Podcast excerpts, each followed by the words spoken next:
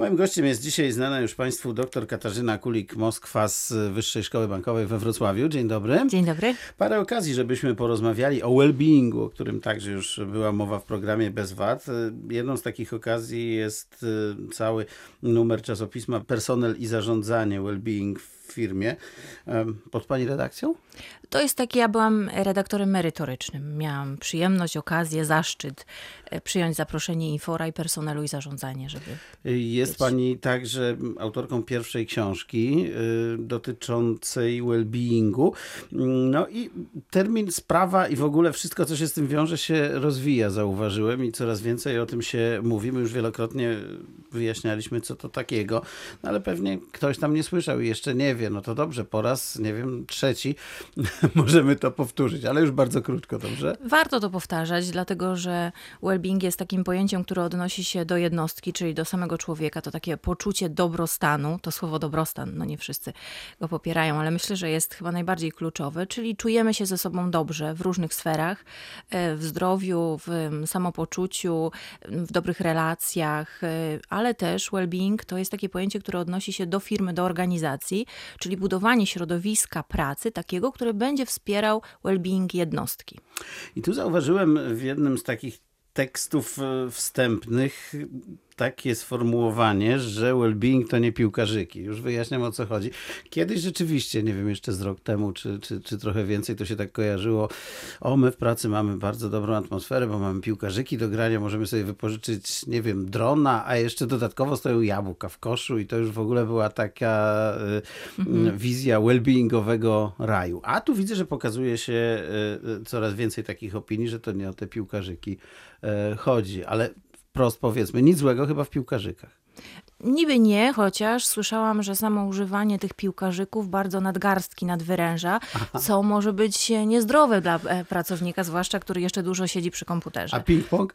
Ping-pong może jest lepszy. Słyszałam, że to jest lepsze, chociaż z drugiej strony, czy nie będzie zakłócał e, ciszy. ciszy w miejscu pracy, więc wszystko to należy wyważyć. No i właśnie ta równowaga i to, że jednak w biznesie chodzi o biznes, tak? o efektywność, o produktywność.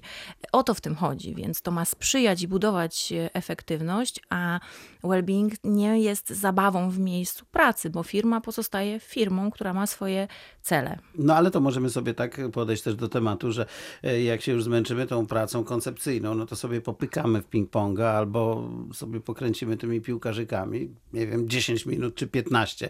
Tyle co papieros dla palącego na przykład. O, a no to jest o wiele lepsze, no właśnie, prawda, niż papieros. Choćby nam nawet miały nadgarstki wysiąść po mm -hmm. 50 latach gry w piłkarzyki. E, no i, i potem wracamy do pracy, więc dlatego tylko mówię, że to y, pewnie nic złego, ale z drugiej strony nie można całego well-beingu utożsamiać właśnie z taką rozrywką, prawda? I o to w tym chodzi, w tym powiedzeniu, że to nie tylko piłkarzyki, bo nie chodzi o to, żeby mówić, że to jest złe, tylko żeby zwracać uwagę, że to ma doprowadzać do tej efektywności, a w well-beingu mm, ja zawsze powtarzam, że na pierwszym miejscu jest sens pracy tak? I pracodawca, zaczynając budować programy well-beingowe, nie może pominąć tego, jak dla mnie, najważniejszego faktu, czym jest sens pracy, czyli o cel, o to, jaki jest udział tego człowieka w tej organizacji i jak on go rozumie. I bardzo dobrze, że się, e, myślę, pracodawcy coraz częściej nad tym zastanawiają i zwracają na to uwagę, ale ponieważ powiedziała Pani to, co powiedziała, doszliśmy wcześniej do punktu, który e, też chciałem poruszyć, chociaż nieco później, bo tak się zastanawiam nad tym sensem pracy i, i zastanawiam się również, czy cały ten well-being nie jest y, kierowany do y, pracowników, którzy zajmują się pracą no, de facto taką bardzo twórczą. To znaczy tych, którzy coś wymyślają, pracują koncepcyjnie, tworzą jakieś y, kreacje i tak dalej, i tak dalej, bo zastanawiam się, czy można być szczególnie powiązanym z miejscem pracy i czuć y, taką misję, jak się wykonuje jakieś proste prace przy taśmie, czy jak się, nie wiem, no po prostu robi bardzo, bardzo y, proste proste rzeczy, a takich pracowników to jest więcej na świecie. Mhm. Ja myślę sobie, że tak, że proste rzeczy, w prostych rzeczach też można odnajdować sens, bo nawet jeśli pomyślimy sobie o osobie sprzątającej w miejscu pracy, tak?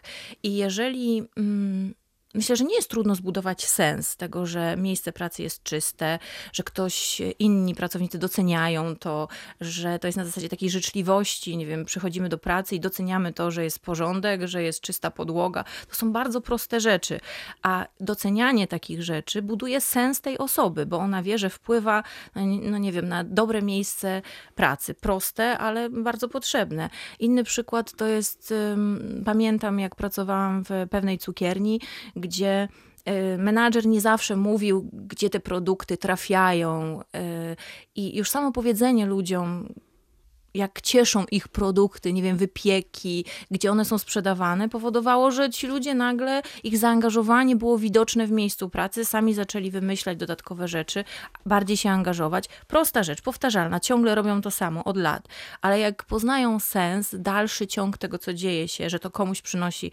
radość, zyskuje nowe, bym powiedział, nowy wymiar e, tej pracy, więc zdecydowanie uważam, że w prostych czynnościach powtarzalnych również e, można nadawać sens tej pracy, bo każdy element, nawet najmniejszy, buduje większą całość. Czyli niejako to jest adresowany mm, ta, ten, ten obszar działania do wszystkich, krótko mówiąc. Tak myślę, myślę, że nie, nie, nie ma recepty, tak? Nie zawsze to, co mm, tutaj będzie stanowiło motywację, zaangażowanie well-being, da się łatwo przenieść do innej firmy, ale myślę, że zdecydowanie trzeba otworzyć głowę na to, żeby myśleć, kiedy ten człowiek może poczuć się lepiej, co buduje jego produktywność, gdzie tego sensu on może szukać, bo każdy szuka sensu, niezależnie od tego, co on robi. Z pewnością, tylko właśnie pytanie, czy, czy może go znaleźć w każdej pracy, ale to chyba trzeba zostawić otwarte. Tak. E, to pytanie. W czasopiśmie, o którym mówiliśmy, jest tabela zatytułowana Korzyści dla pracowników z well-beingowego podejścia e, firmy.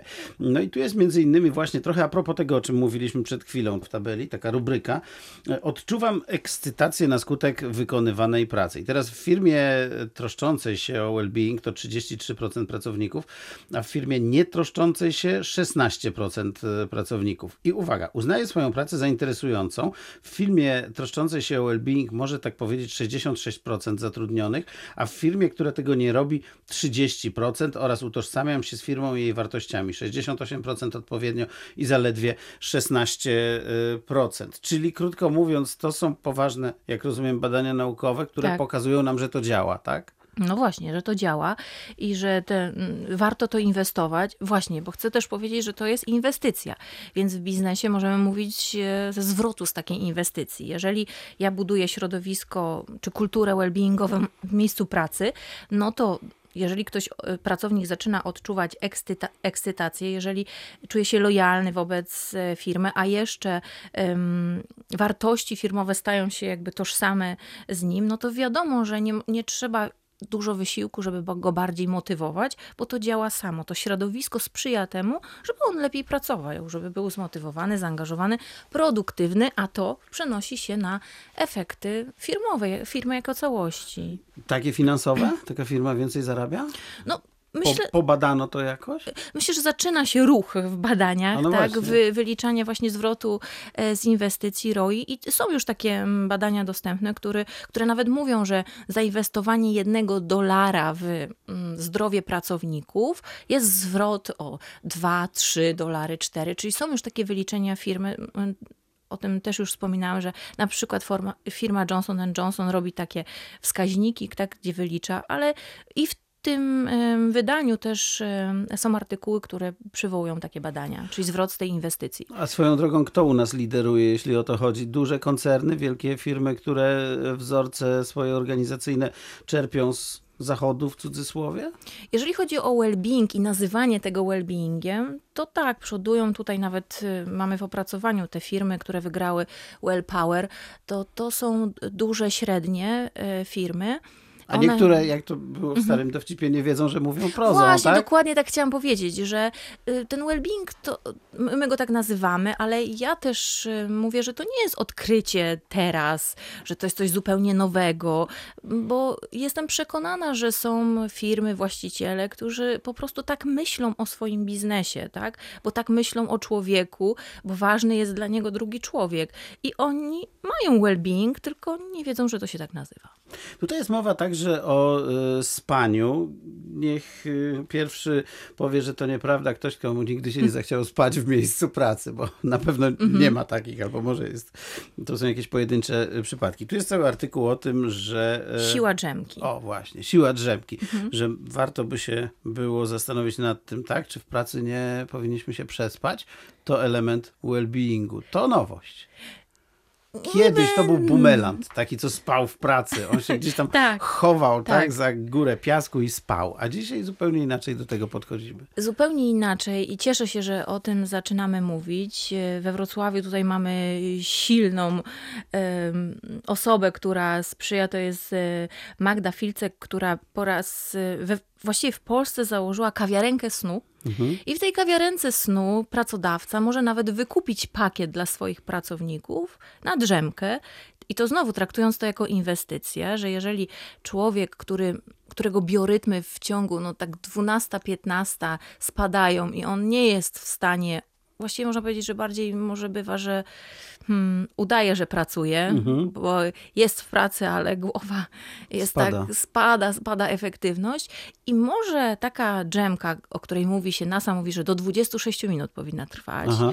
E, będzie czymś, co pow- spowoduje odświeżenie umysłu, taką silną regenerację, że on wróci i w zupełnie krótszym czasie zrobi to, czego e, potrzebował. Więc e, teraz nawet można spotkać specjalnie zaprojektowane, widziałam, biurka, tak, które w dolnej części mają takie łóżeczko e, przygotowane do, na właśnie taką e, drzemkę regeneracyjną. To się wyciąga jakoś, rozkłada? No tak? widziałam, że to jest taka klapka i tam można po prostu Aha, się schować jakoś pod to. schować, Tak, tak? bardziej może kulturalnie pod biurkiem sobie przespać się. Rozumiem. No, Mhm. Trzeba przyznać, że bardzo nowatorskie, ale wcale nie wykluczam, że za kilka lat czy kilkanaście to będzie jakiś e, standard, prawda? Bo każdy to kiedyś e, poczuł i, i, i każdy pomyślał sobie, że, że fajnie by było. Imprez związanych z well-beingiem sporo e, się odbywa. Będzie we Wrocławiu w przyszłym tygodniu, zdaje się, taki kongres, prawda? Konferencja, największa kon- konferencja wellbeingowa, tak, na którą Państwa również zapraszam. Będę miała tam przyjemność prowadzić panel właśnie e, z biznesem, żeby powiedzieć o blaskach i cieniach, takiego cieniach wellbeingu. To znaczy, że to nie jest zawsze takie proste wdrożenie i wiadomo, że boimy się pewnych e, zachowań i przedsiębiorcy powiedzą, opowiedzą nam, jak sobie poradzili, ale też co daje well-being im w takiej sferze biznesowej, więc bardzo Państwa serdecznie W zapraszam. sensie takim, że to jednak nie są żadne czary-mary, prawda? Y, I że to jest coś, co może mieć wymierny swój skutek, tak jak mówiliśmy. Zdecydowanie wymierny skutek, ale też musimy patrzeć na to, że mm, ważne jest budowanie odpowiedzialności w miejscu pracy takiego pracownika, bo to nie chodzi o to, żeby on oszukiwał pracodawcę e, i spał pod tym biurkiem przez cały czas e, albo e, udawał, że pracuje, tylko wszystko to ma zmierzać do, jeszcze raz powtarzam, do tej efektywności, a biorąc pod uwagę nasze zmęczenie ogólne i to, co, o czym mówią statystyki o depresji, wypaleniu zawodowym, Właśnie to ciekawe, że depresja może być y, chorobą numer jeden, prawda? W- Tak, Światowa Organizacja. Zdrowia dokładnie podkreśla to, że depresja staje się chorobą na pierwszym miejscu yy, i na przykład zdrowie mentalne pracowników, już nie tylko chodzi o takie zdrowie fizyczne, będzie wyzwaniem dla pracodawcy, bo to jest jego ryzyko biznesowe również. Tak? Więc już w maju też planujemy mm, Wellbeing Challenge, na który y, wszystkich, wszystkie firmy, mm, grupy zapraszam. Czyli będzie to o tym jakiś konkurs? Y, To będzie taka gra, w której będzie można zbierać e, punkty, no a przez to y, uczyć się dobrych nawyków, dbać o swój well-being. Bardzo Państwa zapraszam, już niedługo to będzie. To dla pracodawców jest, tak? Czy Nie tylko, właściwie kogo? grupa osób może się Aha. zapisać e, do takiej gry. Tak, i to będzie trzy tygodnie trwała taka gra w maju.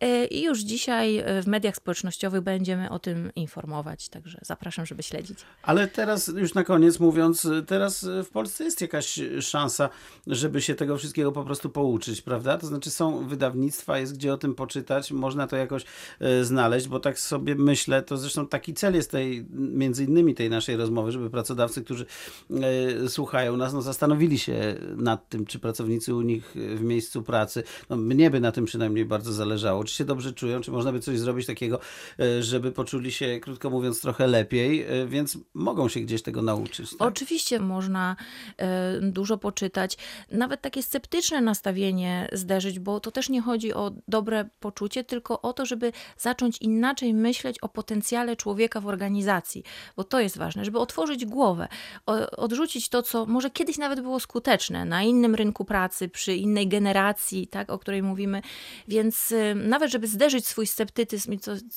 jak ktoś ma takie inne nastawienie, to poczytać i wtedy zobaczyć, wtedy czy to jest zgodne z tym, co ja myślę, czy może powinienem zmienić myślenie o człowieku w organizacji. Na tym nam zależy. To w przyszłym tygodniu jeszcze o tym przy okazji tego kongresu, tej konferencji właśnie porozmawiamy. Dzisiaj bardzo dziękuję. Doktor Katarzyna Kulik, Moskwa, Wyższa Szkoła Bankowa.